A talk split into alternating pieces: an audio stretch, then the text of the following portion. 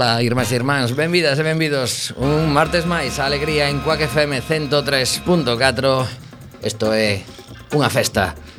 20 anos de Quack FM xa celebrados Estamos eh, emocionados por ese eh, momento de exaltación de amizade que sucedeu o pasado Benres Así que mandamos un bico a toda a xente que, como dixe Mariano Os que puideron eh, non quixeron, os que quixeron e non puideron E os que lamentablemente eralles imposible estar connosco Veo la lume, que tal? Moi ben, enviamos un bico a toda a xente que estivo na CEA Toda a xente que non puido estar na CEA E toda a xente que está escoitando e que ainda non o sabe, pero vai formar parte de Quack, porque sabemos que moitos de vos acabaredes en Quack dun xeito ou doutro xeito, así que agardamos que sexa canto antes, porque de verdade que isto é unha experiencia religiosa. Agora mesmo acabamos de estar falando con cinco mozos e mozas que teñen intención de comezar no mes de maio, isto é un non parar e iso nos dá moita alegría. Alegría tamén foi a que levaron na casa dos Aznar, porque A pasada semana recibiu Ana Botella, a mamasina da casa, unha chamada maravillosa. Foi, Ana, te contratamos. Joder, que alegría, levaba dende que deixei o Concello de Madrid sen facer nada, rascando unha uña contra a outra e agora me anomeades asesora Mundial do Turismo para a ONU. Me vou tomar unha relaxing cup of tea. Non? Ah, que non te enteraste. Será, no, no, no. Será, bueno, pero bueno, veula, Tommy lume. acaba de darse de conta de que eu non o sabía só so ben, víndome cara, porque... Pero veula, lume, de por favor. Vale, que será... Eh, eh, polo seu enorme grau de inglés, por, por supuesto. exemplo, claro, non? Claro, claro, claro, claro, é unha profesional do terreo. Miña nai. Ben, pero non foi menos a alegría que se levaron tamén os garda civís que van a poder un ano máis acudir a peregrinación a Lourdes gracias a unha subvención que lle outorga o Ministerio de Interior de 10.000, espera que vos vou dar a cifra concreta e exacta, vanse alá con Dale, Dale, 10.851 euros que lles entrega o Ministerio do Interior para a peregrinación de eh, mandos a xentes a Lourdes. Eh, Ajá. Eh, conduce o anxo da garda do Ministerio do Interior. Non me Seguro. Alegría, amigos e amigas. Isto é a realidade. E aquí comeza a festa. Escoitamos a voz dun dos que nos fixe un pouquiño máis felices enviándonos o seu vídeo de felicitación a Quack FM. Neste caso, escollemos a voz, ni máis ni menos, que o Duque de Cadaval, Mr. Kiko Cadaval, que esta noite está ao lado da vosa casa. Podedes pasar a saludar un momentiño. Eh, sí. Oito e media no Fórum Metropolitano. Están entradas agotándose, sete euriños, con carné xove e para xubilados, seis euros nada máis. O gran Kiko Cadaval.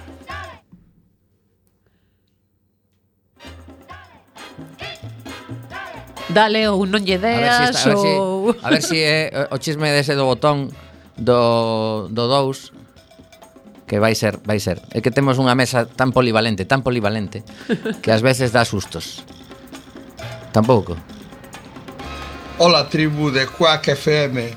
Son o Duque de Cadaval e mando este saúdo desde o Castelo de Valpurxis na máis horrorosa soidade que me dera con vosco comendo chop suey con grelos e tofu con churrasco, pero non todo o mundo é tan afortunado como para pertencer á historia de Quack FM. Pat, saúda. Este é Pat Rulo e tamén quer mandar un afectuoso beixo. 20 anos máis de suceso. É un fenómeno. Ah, cuac! Bueno, isto hai que velo, hai eh, que velo porque... Hola, tribu de Quack FM. Antes non había xeito e agora se repite. Emocionouse. bueno, pois nada, que escoitaremos pouco a pouco. Temos tamén que dar as grazas a Antón Lezcano, o noso compañeiro de, de Zapping, que se currou un vídeo fantástico que podes ver. Na, Pedazo na, de vídeo. Moi bonito, moi ben currado e moi emocionante. Na web de Quack FM. Bueno, e eh, toda a xente vas... que participou que había unha chea de... Sí, sí. Tivemos ao alcalde, tivemos a Santiago Userón, tivemos a Fran do Depor, o Neno. Andrade, a Belén Regueira a... Juan de Dios dende Los Ángeles. Alfonso Hermida, bueno. Sí, sí, tivemos a unha aportación de Adrián Pérez dende Tokio e dende Helsinki. Borgi dende Ibiza. Donde está Adrián Borgi? Pérez? Agora mesmo está en Helsinki, o que pasa que coincidiu que saía de vacacións a Tokio e dixo, espera, espera, que vos mando dende o... Non, pero era como un onde está Wally. Ah, sí, está... sí, sí, só lle faltou levar o, pati o patiño con el. Bueno, comezamos o programa cunha canción que me mola moitísimo, unha banda que vai a estar este xoves na sala Mardi Gras, se chaman Bronco Bullfrog, recuperamos a unha formación británica que lle perderamos a pista, eh, regresan con forza, e ademais coincide que Mardi Gras, que tamén curiosamente foi bastante tempo o programa, o sea, programa de Quack FM, chamaban Mardi Gras, eran patrocinadores, eh, e chegan a 1800 concertos, así que parabéns para Mardi Gras e tamén para os que poidades acudir a este concerto porque de verdade, de verdade que paga a pena. Bronco Bullfrog. Eloquent, what do you want? And what are you going to do?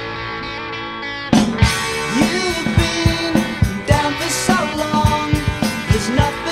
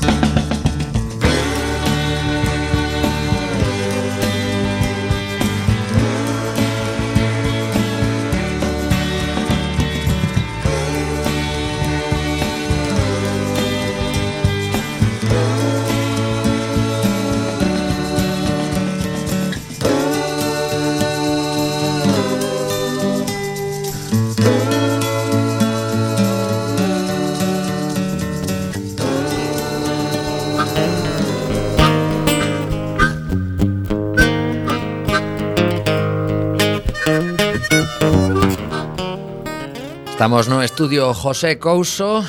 Estamos en Cuac FM 103.4 E imos co último capítulo polo de agora Do maior culebrón da historia da nosa cidade O edificio Conde de Fenosa. Nova de hai un par de horas que sacan diversos medios de comunicación. Nos temos diante praza pública aínda que podes atopar na Voz de Galicia, na Opinión porque eh, é nova de impacto para os que levamos un montón de anos vivindo este culebrón. O Supremo, o Tribunal Supremo, ordena devolver o Conde de Fenosa da Coruña ao seu estado orixinal. Este é o titular de Praza Pública que nos conta que eh, o Alto Tribunal anula agora dous ditames do Tribunal Superior de Justiza de Galicia de principios do pasado ano no que, nos que se daba un prazo de seis meses á administración local para presentar o proxecto para a derruba e rehabilitación do inmoble logo de que tanto o Concello como a comunidade de propietarios solicitasen suspender a execución da sentenza ata que non se pronunciasen o Constitucional e o alto, alto Tribunal Galego. As medidas previstas para non ter que devolver todo o que foi declarado ilegal parecerían agora máis difíciles case dúas décadas despois dunha decisión do antigo executivo de Paco Vázquez aínda que desde María Pita son máis optimistas e advirten de que esta sentenza do Supremo non altera a súa folla de ruta nin ao acordo municipal de outubro de 2015 para a legalización e demolución parcial en, abren comillas, en base ao cal o Tribunal Superior de Justiza de Galicia tramita a solicitude do Concello un incidente de inexecución por imposibilidade legal. Polo tanto, segundo estou entendendo eu, esta sentenza ven a declarar nulas unhas previas do Tribunal Superior, pero digamos que pola banda houve outras eh, resolucións por parte do Pleno do Concello que dan pé a que se esté tramitando outra vía que podería mm, evitar esta demolición ou o que lle chaman aquí volta ao seu estado orixinal. O, o que queda é o último o, o, o último recurso, digamos, que é un incidente de inexecución. Isto é, eh, sí, de acordo, sí... Mm, Tenéis razón. Vale, pero... Mm, mm, mm, facer o que di a sentencia mm, sería mm, moito máis gravoso moitísimo máis gravoso que que deixalo como está. Claro, pero tamén dirán iso do Algarrobico. Eh, bueno, o, o poden dicir, pero non é certo, no caso do Algarrobico. O Algarrobico, o Algarrobico nunca chegou a utilizarse, foi un edificio baleiro todos estes anos. Non hai ninguén vivindo. Non hai no, ese, no, no, tras, no, no. ese trastorno grave que xenera isto, pero non, non só porque viva ou deixe de vivir alguén, eh? eh senón eh, porque eh, porque é un edificio que está no centro dunha cidade eh, que a súa demolición pois implica um, un trastorno mm. e ademais un quebranto para as arcas públicas mm, claro, moi considerable. Claro, aquí o curioso é que as arcas públicas levan sufragando un montón de pleitos durante bastantes anos, pero os responsables orixinais deste tema dos que imos falar agora están felices pola rúa paseando cos seus abrigos de uns cartos considerables. Bueno, pero non só por este, es que os responsables deste xa tiñan un historial interesante. Sí, pero bueno, neste caso pois pues, é quizáis o máis chamativo. Lemos unha nova que se publicou en El País dentro da, da sección que tiña naquel momento de Galicia en xaneiro de 2011. Uh -huh. Vale, nos remontamos a 2011. Os técnicos de A Coruña obviaron la fraglante ilegalidade de Fadesa. Vou non ler en castelán porque senón ao final é bastante longo e me vou a liar. Ningún informe municipal menciona las trabas legales que llevaron a los tribunales a ordenar la demolición del céntrico edificio Conde de Fenosa. Recordamos que estamos en un artículo de 2011. El céntrico edificio de A Coruña con orden judicial firme de derribo, el Conde de Fenosa, supuso un negocio inmobiliario de pingües beneficios. Y todas las trabas legales en la normativa urbanística que regía en aquel momento en la capital provincial fueron obviadas para que fructificase la lucrativa operación de convertir en lujosa y grande urbanización residencial de tres bloques el inmueble que albergó durante casi cuatro décadas la, la sede de Unión Fenosa. En los informes emitidos por los técnicos del ayuntamiento para conceder el nuevo al nuevo dueño del edificio, Fadesa, la licencia de, comillas, cambio de uso, ampliación y rehabilitación de un edificio existente, se eludió hacer mención alguna a las razones que llevaron, cuatro años después, a los tribunales a anular ese permiso municipal y ordenar la demolición parcial de la edificación. En 1997, 1997, en pleno boom inmobiliario y en el apogeo de Paco Vázquez como alcalde, cuando la compañía eléctrica trasladada a Madrid decidió transformar en residencial su antigua sede, lanzó un concurso para permutar, previas obras de rehabilitación, el inmueble de oficinas en viviendas y locales comerciales. Pero, ignorando las propuestas de una docena de promotores que participaron en aquel concurso, la compañía eléctrica decidió finalmente y por sorpresa, en junio de 1997, vendérselo directamente a Fadesa, sin sacarlo a concurso o a, puja. Entonces, bajo el mando de su fundador, el coruñés Manuel Joven. La operación entrañaba riesgos para el promotor dado que el edificio original, construido a principios de los años 60, estaba fuera de ordenación urbanística, es decir, que no cumplía el Plan General de 1985 entonces vigente. Esa condición limitaba el negocio inmobiliario que suponía construir para su posterior venta de pisos y bajos comerciales, dado que estaba prohibido aumentar el volumen y la superficie construida del edificio. Y había otros obstáculos, como la necesidad de tramitar un proyecto específico para legalizar la pretensión, entonces prohibida por el Plan General, de convertir, como así se hizo, un inmueble de manzana compacta en uno de varios bloques unidos por un patio interior. Pero pese a todo, la inmobiliaria pare- parecía confiada en obtener sin grandes trabas ni demora el visto bueno del gobierno municipal presidido por Vázquez y Salvador Fernández Moreda, el expresidente de la Diputación y actual, en 2011, concejal eh, y secretario provincial del PSOE, al frente de la Concejalía de Urbanismo. Fadesa incluso hace constar esa expectativa en el contrato de compraventa firmado con Fenosa en junio del 97. Comillas del contrato. Está previsto que razonablemente la citada licencia será concedida con anterioridad a la fecha de desalojo del inmueble, fijada para enero de 1998. En ese contrato privado, las dos empresas condicionan toda la operación y también el pago de los 2.250 millones de pesetas que Fenosa cobraría de Fadesa a la obtención de esa licencia municipal. Sus expectativas se cumplen con celeridad. Dos meses antes del plazo máximo, el 10 de noviembre del 97, el gobierno coruñés concede la licencia a Fadesa. Previamente, y con toda diligencia, los técnicos del ayuntamiento emiten informes favorables. Son firmados por el arquitecto municipal Rafael González Cebrián Tello y el ingeniero de caminos José Martínez López. En ninguno de esos informes se hace referencia a las trabas legales que conlleva el proyecto de rehabilitación del edificio. Ninguno menciona que el edificio Conde de Fenosa está en situación de fuera de ordenación. Si recogen, sin embargo, y dan el visto bueno, pese a que lo prohibía la normativa en vigor, a que Fadesa incremente la superficie construida en 2.473 metros cuadrados. Tampoco ningún informe técnico alude a que no se cumplía el mínimo de plazas de garaje que establecía la norma urbanística ni a la dimensión de los patios interiores.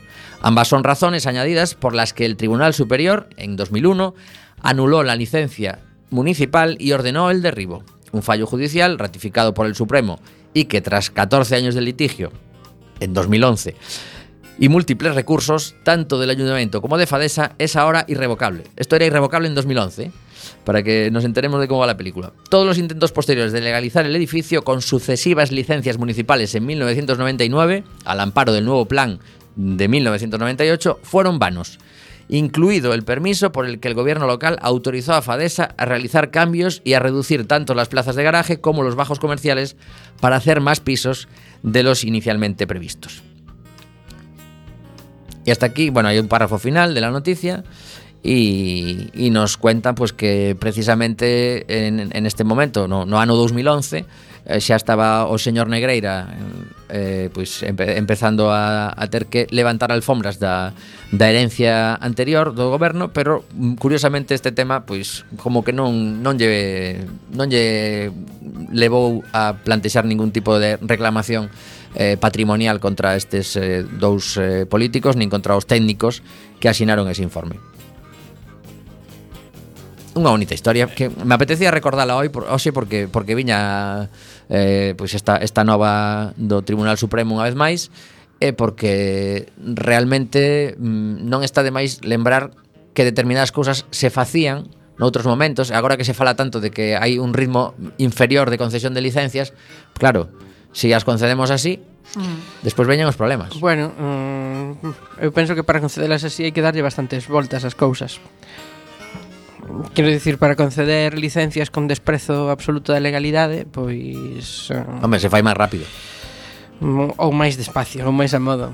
Eu supoño que que non se faría así en todos os casos, facías así en certos casos. Claro, claro, eu me estou referindo a este que xa, xa. que se ve que un tema tan chamativo na cidade como era ah. desaparecer un edificio como o antigo Fenosa, que eu lembro perfectamente, que era así como de cristais eh, parte sí. azul. Mm. Sí.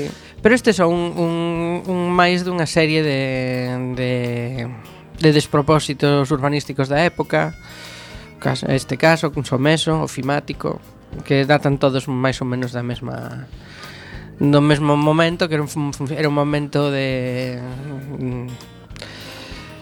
Bueno, uh, de una, de unha fase maníaca realmente perigosa eh, coa que imos ter que cargar moitos anos. Así a bote pronto o que o que vai pasar é que moi probablemente o quebranto para a institución sexa vai ser importante, vai ser importante no mm, no mellor dos casos e no peor dos casos pode ser moi grave eh, o quebranto económico que pode sufrir o, o Concello que finalmente somos, todos. somos no, todas as veciñas e os veciños que viven na cidade claro, Curiosamente estaban todos de acordo no, no pleno municipal menos a Marea de que era necesario cambiar a, a normativa fiscal para que, por exemplo, o IBI se pagase de forma fraccionada en varios meses para que o Concello tivese ingresos paulatinos e non ter que recurrir a, a préstamos, pero neste caso parece que non, non, non temos problema con estar pagando dende hai vinte tantos anos pleito tras pleito, eh, recurso tras recurso. A ver, porque sen, sen pedirlle a estas a estas cuatro persoas, polo menos eh, pa, como mínimo a estas catro persoas que aparecen aquí Os dous que asinaron o informe, que se supoñen que son os técnicos que saben, e os, os políticos máximos responsables do Concello e da Concellaría de Urbanismo, de por que estamos pagando iso. A ver, eu non quero facer elucubracións a nivel, a ver, a nivel penal, porque eu é o, o que habería, non? Unha cuestión de responsabilidade penal aquí. Habería unha neglixencia por parte dos técnicos e en todo caso... Pero é penal, non será administrativo. É unha... A ver, non. non. O sea, se ti dictas unha resolución que non é sabendo, o sea, con o, o desprezo da lei, estás incumprindo... Aquí poden decir que se, que se lles despistou o tema de que estaba fora de ordenación... Ah. E... O pasa que, claro, se si eres o técnico que estás aí todos os días... Bueno, que, eh, eh queres dicir que o técnico que coñece das normas urbanísticas da cidade esqueceunas todas de súpeto. De repente. Claro, o que pasa que, bueno, seguramente aquí habería unha responsabilidade patrimonial, mm, non sei se de índole penal ou de índole civil, pero bueno, eu, eu inclínome a, a pensar en, en responsabilidades penais, o que pasa que habería que probalas, non? Eh, sería moi longo de, de seguir. Pero vamos, mm, mm, tampoco eso, tampoco quero quero elucubrar, pero posiblemente eh, quen, quen levase a peor parte igual eran mm, os técnicos porque esas persoas asinaron aí co seu eh, nome, os políticos sempre pon dicir, ai, eu tiño os informes favorables dos técnicos. Claro, non? certo, certo. Pero pero bueno, mm, con independencia da literalidade das cousas, todos sabemos como se estiveron facendo as cousas eh, neste país noso durante eses anos e cales eran as motivacións a reais debaixo de todo este tipo de operacións que non é esta, que son moitas son milleiros de operacións Home, así nun Se si falamos de milleiros, podemos falar tamén dos pane, los papéis de Panamá, pero yo deixamos a desinformativo que lle motiva máis. Sí, rascar. Máis, a mí me pillou demasiado mm, en riba do programa e dixen, isto é para OCI, que ten que ten aí para pero ras, bueno, rascar. E, e, e sobre todo resulta moito máis doado interpor recursos e, de, e demorar as cousas máis máis barato tamén que afrontar as consecuencias da da acción, non? mm, aquí está eh, os gobernos anteriores tiveron que non me toque a min, que non me toque a min. Pois sí. E falando de gobernos así brevemente antes de poñer unha segunda canción e escoitar a Econova de Bea, comentar que mm, estou maravillado coa desfachatez que ten eh, o goberno actual en funcións porque son goberno en funcións para cobrar os seus soldos, para andar polo país adiante facendo algunhas cousillas, como por exemplo Ana Pastora temos aquí todos os días, uh -huh. pero cando lles chaman aos diversas comisións no Parlamento para que dean explicacións do que están a facer como goberno en funcións, digo, ah, non, non, non, estou en funcións. E por que non lle mandamos unha nómina en funcións? Así como 10 euros. A ver, aí aquí o que Nómina temos de 10 euros. o que temos é unha pretensión completamente absurda, que é que eh, o, a función de control do Parlamento sobre un, que un goberno en función se está exento da sí, función sí, sí, de control dun Parlamento, que é algo directamente venusino. Non se suspende a Constitución porque haxe un goberno en función. Pois pues dillo a eles. Bueno, non, eles van ter yo que dicir ao Tribunal Constitucional pero van chegar tarde. Sí, eh, precisamente bueno. estaba estaba lendo, se si queres entramos na, na nova que teño aquí, bueno. pero o que o que din é que plantexamente precisamente mañán hai unha xuntanza dos dos outros grupos no no pleno do do Congreso dos Deputados para dicir que ou cambian de actitude ou van a denunciar ao Tribunal Constitucional, uh -huh. entón dirán eles, vale, pois denunciádevos, eh, denunciádenos. Entón chegará ao Tribunal Constitucional, rematará o plazo desta legislatura, en, convocaremos eleccións outra vez e dirán, ah, libramos. Pero polo menos queda para a seguinte vez que pase isto quedará por parte do Tribunal Constitucional se si teñen que dar explicacións ou non mentras están cobrando como tal. Home, non sei se terán responsabilidade. A ver, quero dicir, se eu matei alguén hai cinco anos, o que non podo dicir é ah, colleronme agora, entón agora non teño responsabilidade igual neste caso é algo parecido, ¿no? Quero dicir, non é como que, "Ah, no, agora xa hai goberno novo ou xa houbo pero, eleccións, entón, sí, pero, no, pero depende do tipo de despide. No, que se, se acaba o plazo, me refiro, que, que, que cando xa que cando xa convoquemos as eleccións novas, mm xa vai chegar tarde a resolución do, do Constitucional. Ah, xa das por feito que, que vai haber eleccións novas. Home, pss, Non sei, igual sabes algo que eu non sei, pero vale. Home, o, único, o último que sei, non sei se toi eh, vea o sabedes, é que eh, xa agora sí, agora sí que Albert Rivera di eu quero ministerios. Xa. Eso lo escoitaches. Agora estou esperando a que alguén empece a chamarlle cousas. Sí, a min porque é o que eh, procede, non? Eu teño que dicir aquí Non, non quedamos en que eso era feo. Sí, sí, Andar sí. pedindo ministerios e tal. No, pero agora xa se pode. Ah, agora Como se agora pode. xa están negociando atrás. A min unha sí, cousa vale. que me parece fatal, eh. Eu teño que dicir, me parece fatal por parte de Podemos de Pablo Iglesias que non presionase para que nesa mesa de negociación estea tamén Alberto Garzón e Unidade Popular.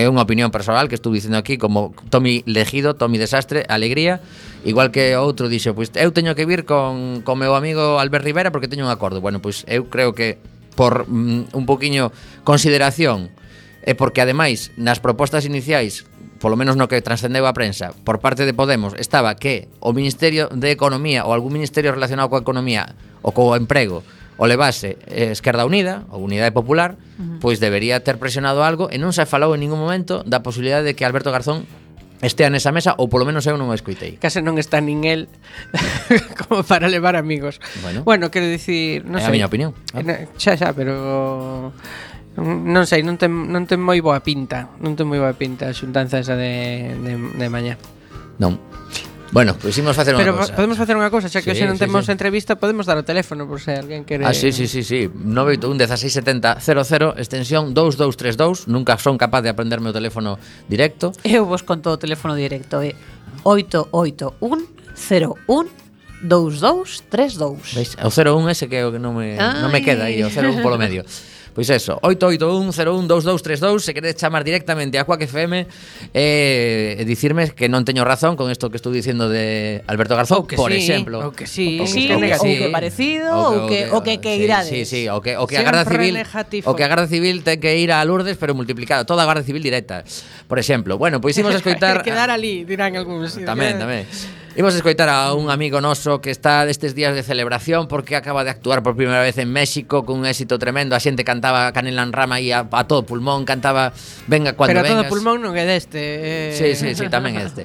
bueno, bueno pois pues, eh, resulta que el Canca está en México, agora mesmo xa está en Colombia porque se move moito, anda de entrevista en entrevista de tiro porque me toca e ademais como tiña cousas guardadas, acaban de soltar un vídeo de Volar cantado con Rosalén. Eso así de maravillosamente.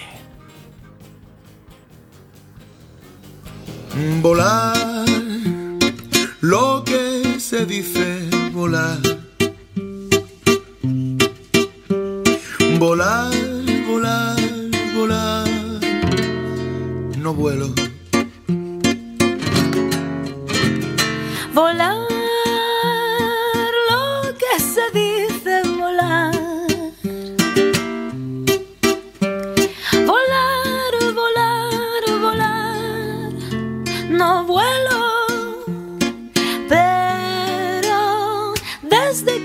el palacio por el callejón, desde que rompí todas las hojas del guion, si quieres buscarme, mira para el cielo. Pero desde que me dejé el bolso en la estación y le pegué fuego a la tele del salón, te prometo hermano que mis suelas no tocan el suelo.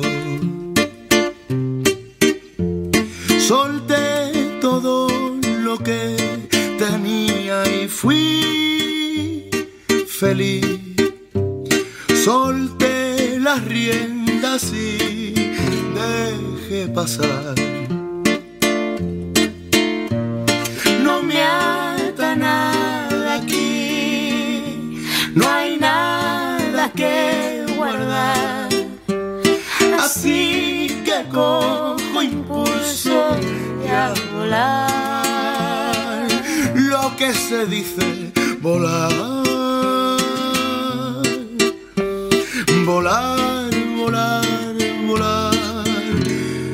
No vuelo. Volar, lo que se dice volar. Volar, volar, volar. No vuelo, pero desde que tiré las llaves ya no quiero entrar. Desde que quemé las naves y aprendí a nadar. Si quieres buscarme, mira para el cielo. Pero desde que olvidé el teléfono en un bar, desde que no tengo nada parecido a un plan, te prometo, hermana, que mis suelas no tocan el suelo.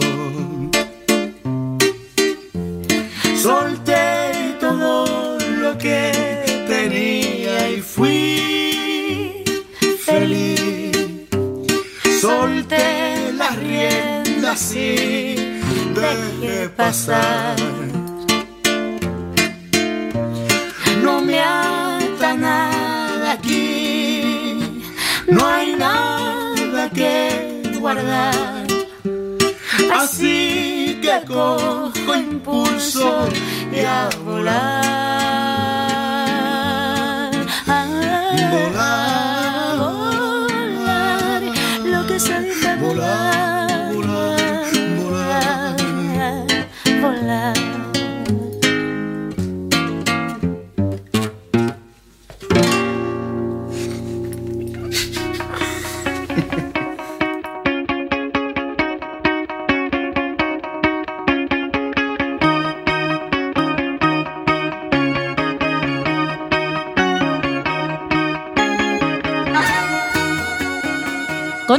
Estamos en Cuac FM 103.4 no teu dial, estás escoitando Alegría, son as 6:37 minutos da tarde deste 5 de abril de 2016, e xa sabes que se non nos escoitas nesta hora, neste día, neste ano, é que estamos en redifusión.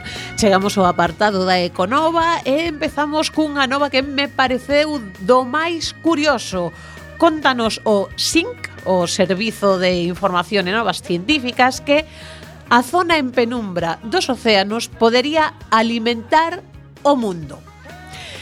Nos contan, entre 200 e 1000 metros de profundidade vive unha comunidade de peixe, calamares e crustáceos cuxa biomasa sobrepasa todas as capturas actuais.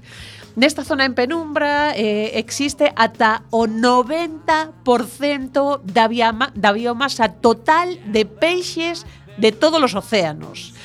Os peixes máis comuns dentro de, desta zona son os chamados peixes lanterna, que todos estamos moi acostumados a ver, sobre todo en debuxos tipo Nemo, estas cousas, sabedes que, que é un peixe horroroso de feo, non sei se estará bo, pero bueno, O rape tamén é feísimo e a verdade que está moi bo, sobre todo con salsa verde.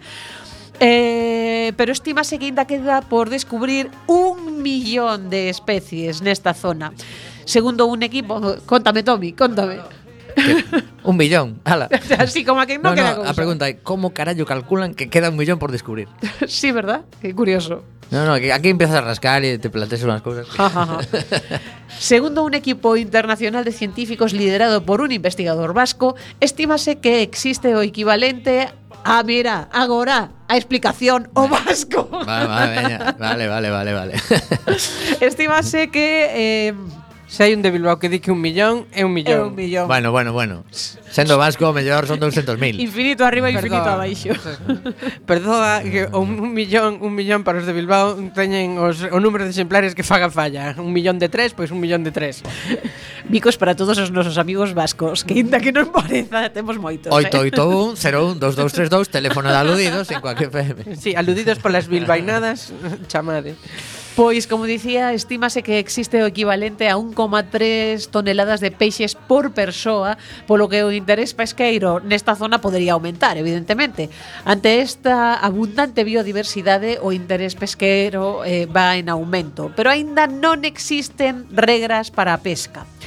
O que resulta crítico para evaluar a resiliencia da comunidade biolóxica que habita ali e, polo tanto, desenvolver estrategias sostibles de xestión é a falta de coñecemento dos procesos biolóxicos nesta zona de penumbra, facendo imposible estimar a, a forma precisa eh, en que a presión de pesca eh, podería ter sobre estes stocks.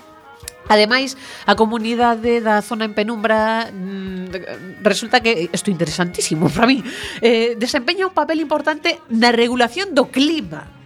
Porque resulta que eh, estes peixes, eh, lembrade que estamos falando dun 90% da biomasa de, de todos os peixes dos océanos, eh, suben dende, dende as profundidades a comer plancton.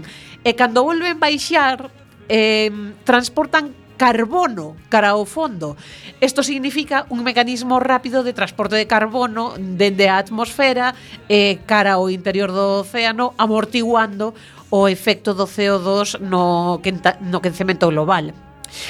Como moitos stocks pesqueiro están sobreexplotados, a alternativa de recursos da zona en penumbra será de maior interese no futuro eh, a medida que vai existindo unha tecnoloxía que permita pescar a semellantes profundidades. Xa houbo varios intentos de explotar esta comunidade de peixes e o temor que hai entre investigadores, e científicos e biólogos é que se chegue a unha especie de febre de ouro sen ter pensado primeiro nunha regulación. Así que, a ver, Estamos falando de algo que evidentemente vai levar anos, pero que sí, é interesante empezar a pensar nestas cousas. E imos falar de fracking, por suposto, que xa hai semanas que non falamos de fracking e isto non pode ser. Hai novedades, boas ou malas?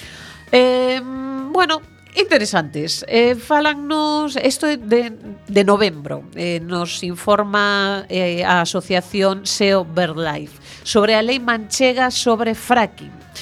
Contannos despois do fracaso ante o Tribunal Constitucional de Cantabria, La Rioja e Navarra intentando prohibir o fracking nos seus territorios, algunhas comunidades autónomas optaron por dictar medidas adicionais para garantir a protección ambiental e de saúde pública.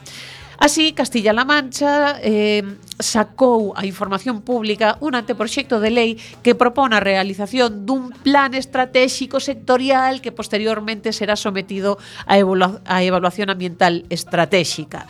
Ou seja, son xeitos que están facendo un pouco trampiñas legais eh, ou digamos portas de atrás legais que están buscando moitas comunidades eh, autónomas que non están de acordo co fracking para tratar de protexerse mm, pois legislando dentro do, do que les poden. Uh -huh. Se Overlife non está moi acordo con este tema porque din que o fracking é unha técnica ainda é moi xove, eh, de momento non existe a seguridade suficiente que permita garantir que non haberá efectos negativos sobre o medio ambiente e a saúde.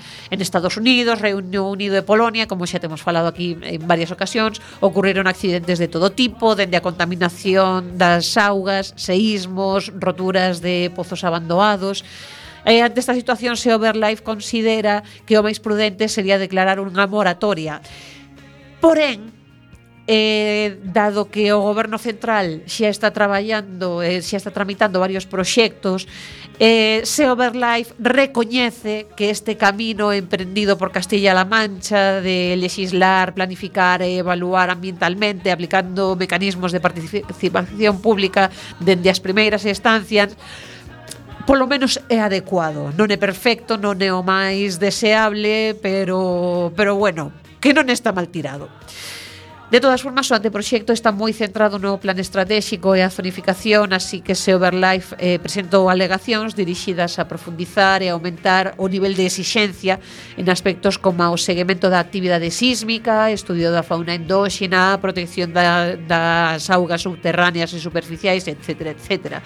E tamén solicitaron que se esclarezca o marco regulatorio e se estableza a obligatoriedade de publicar a composición de fluidos de, de fractura Total, que entre unhas cousas e outras, entre as bueno, as chamei trampas, non son trampas exactamente, xa vos digo, é unha forma de, de legislar dentro do que as comunidades poden para tratar de protexer o seu territorio, que en realidade é o que deben facer, é o que debería facer o, o goberno central tamén e non está facendo. Dentro de iso, máis eh, as presións de asociacións, pois como se Overlife, como Greenpeace, como moitísimas outras, eh, como nós mesmos, pois ás veces mediante as nosas firmas ou somente mediante o, o saber que, que o fracking non, non, non, non, que non, e, e estar ali e, e que os políticos saiban que hai un rexeitamento social, porque ao final moitos políticos eh, o que contan son os votos que lle imos facer, pois entre pitos e flautas agardemos que ao final o fracking non sexa máis que pois unha nota a pé de páxina na, na historia medioambiental. Ogallá, ogallá. Algo máis?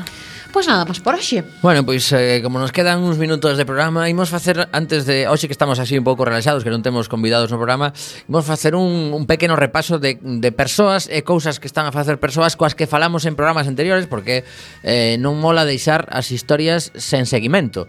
En este caso podemos dicir que lembrades o programa de hai dúas semanas nas que tivemos aquí a Óscar Palleiro e por teléfono a nosa compañeira Vera, uh -huh pois eh, están compartindo eles unha nova que xa foi publicada no no cuadernillo local da Voz de Galicia eh, referida a Arteixo, en concreto contan que un colectivo de Arteixo, que son eh, estas estas persoas que que que temos aí de conexión, reuniron en só 10 horas, que isto é moito dicir, 3 toneladas de axuda para os refugiados que seguimos vendo imaxes todos os días se comparten polo menos no meu muro imaxes tremendas de como seguen chegando pois eu vi onte, non sei se o viches tamén, mm. esa, esa familia mm, que, que recupera seu fillo gracias a uns pescadores, un, un bebé, non, non o viches? No. Bueno, eso, eso é impresionante, como uns pescadores sacan un rapaz se decata, están grabando todo, se, re, se decatan de que un rap, estou falando un rapaz de un, de un ano, un, ah. o me, nove meses, non o sei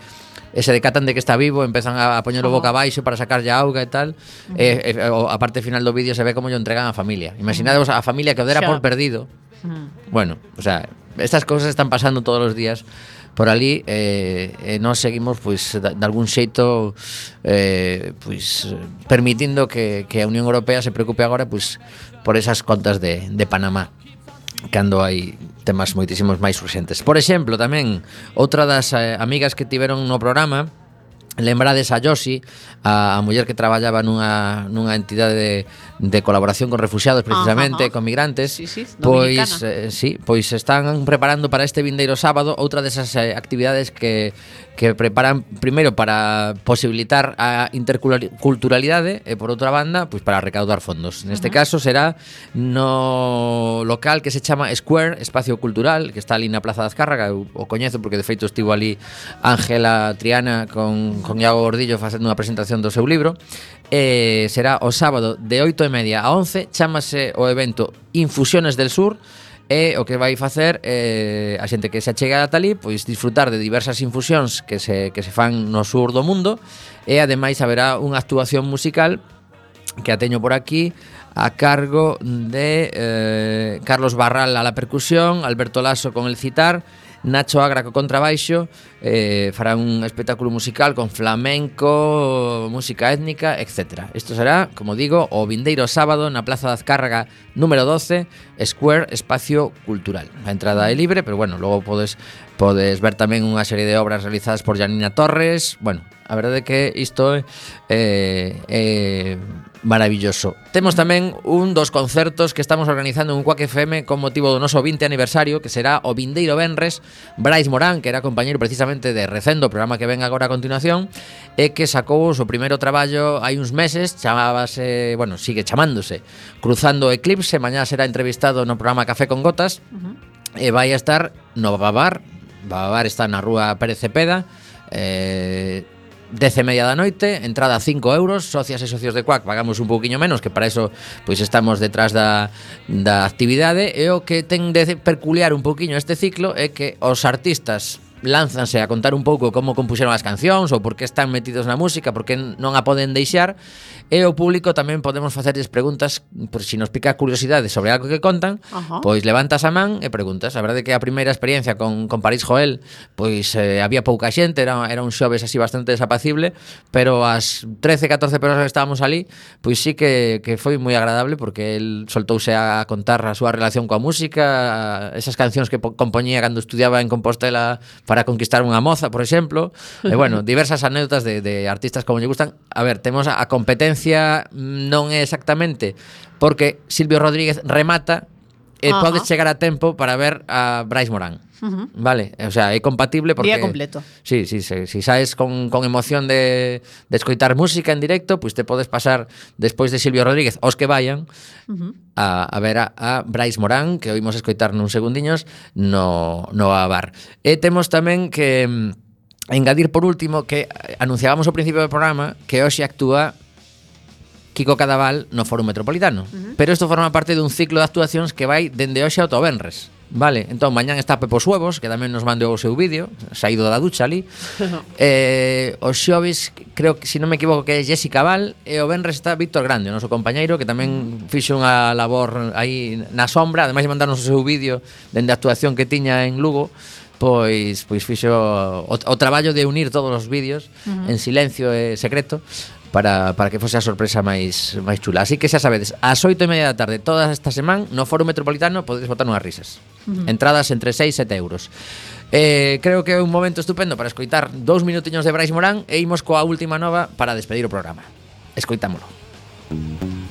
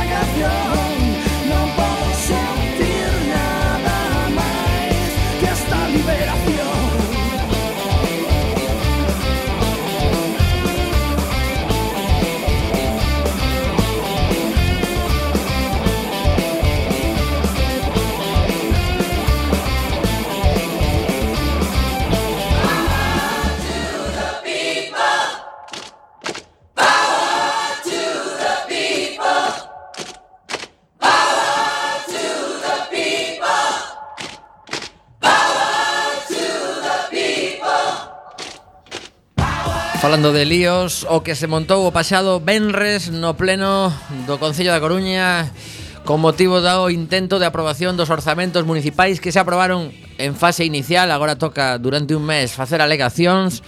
Eh, poderíamos falar dese tema durante unha hora inteira porque outro culebrón similar ao de Conde Fenosa foi o que nos levou os últimos meses a chegar ata o día 2 de abril, non, perdón, 1 de abril co tema dos orzamentos municipais eh, unha xogada de última hora que eu aquí o que, o que quero dicir nestes dous minutos e medio que nos quedan é flipo, flipo, flipo con que o regulamento municipal permita que a última hora aparezan un montón de mocións, enmendas ou o que sexa que non fosen tratadas antes nin con posibilidade de estudialas E polo tanto, digo, e opino que fixo moi ben a Viaveira empirarse e dicir a min isto de que me manden un montón de mocións que non dá tempo a revisalas nin estudialas con calma e as planten no pleno me parece fatal, me vou ole a Viaveira, estou a favor de ti así de claro digo Queredes que aportar algo ou paso a unha última nova que teño no, aquí? bueno, a mí, a mí me parece coherente a posición, o que pasa é que hai que poder facelo.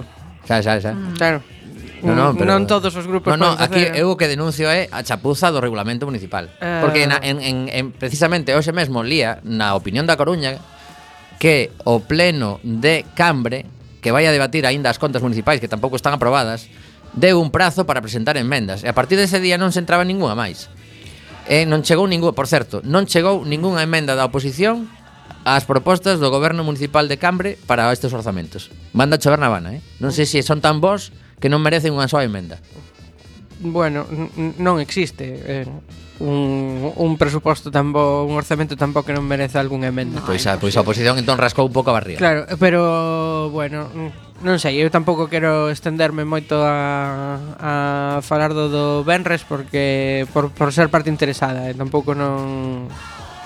Pero bueno, o... Oh eh, se as formas foron malas o, ao meu xuizo a fondo foi peor aínda. Entón, bueno, a ver que pasa despois deste trámite de emendas e, eh, e que orzamentos se quedan finalmente a cidade, porque en, se, eu penso que é o que se está a perder de de vista con según que comportamentos, non? Que realmente mm, eses cartos non son para para favorecer a unha formación política ou outra, senón que son os cartos cos que se ten que gobernar a cidade claro. e logo as apostas por determinadas políticas, porque logo se nos enche a, a boca falando de, de moi, do moito que nos gustan determinadas políticas, pero logo lles retiras mm, todo apoio orzamentario, non? Uh -huh.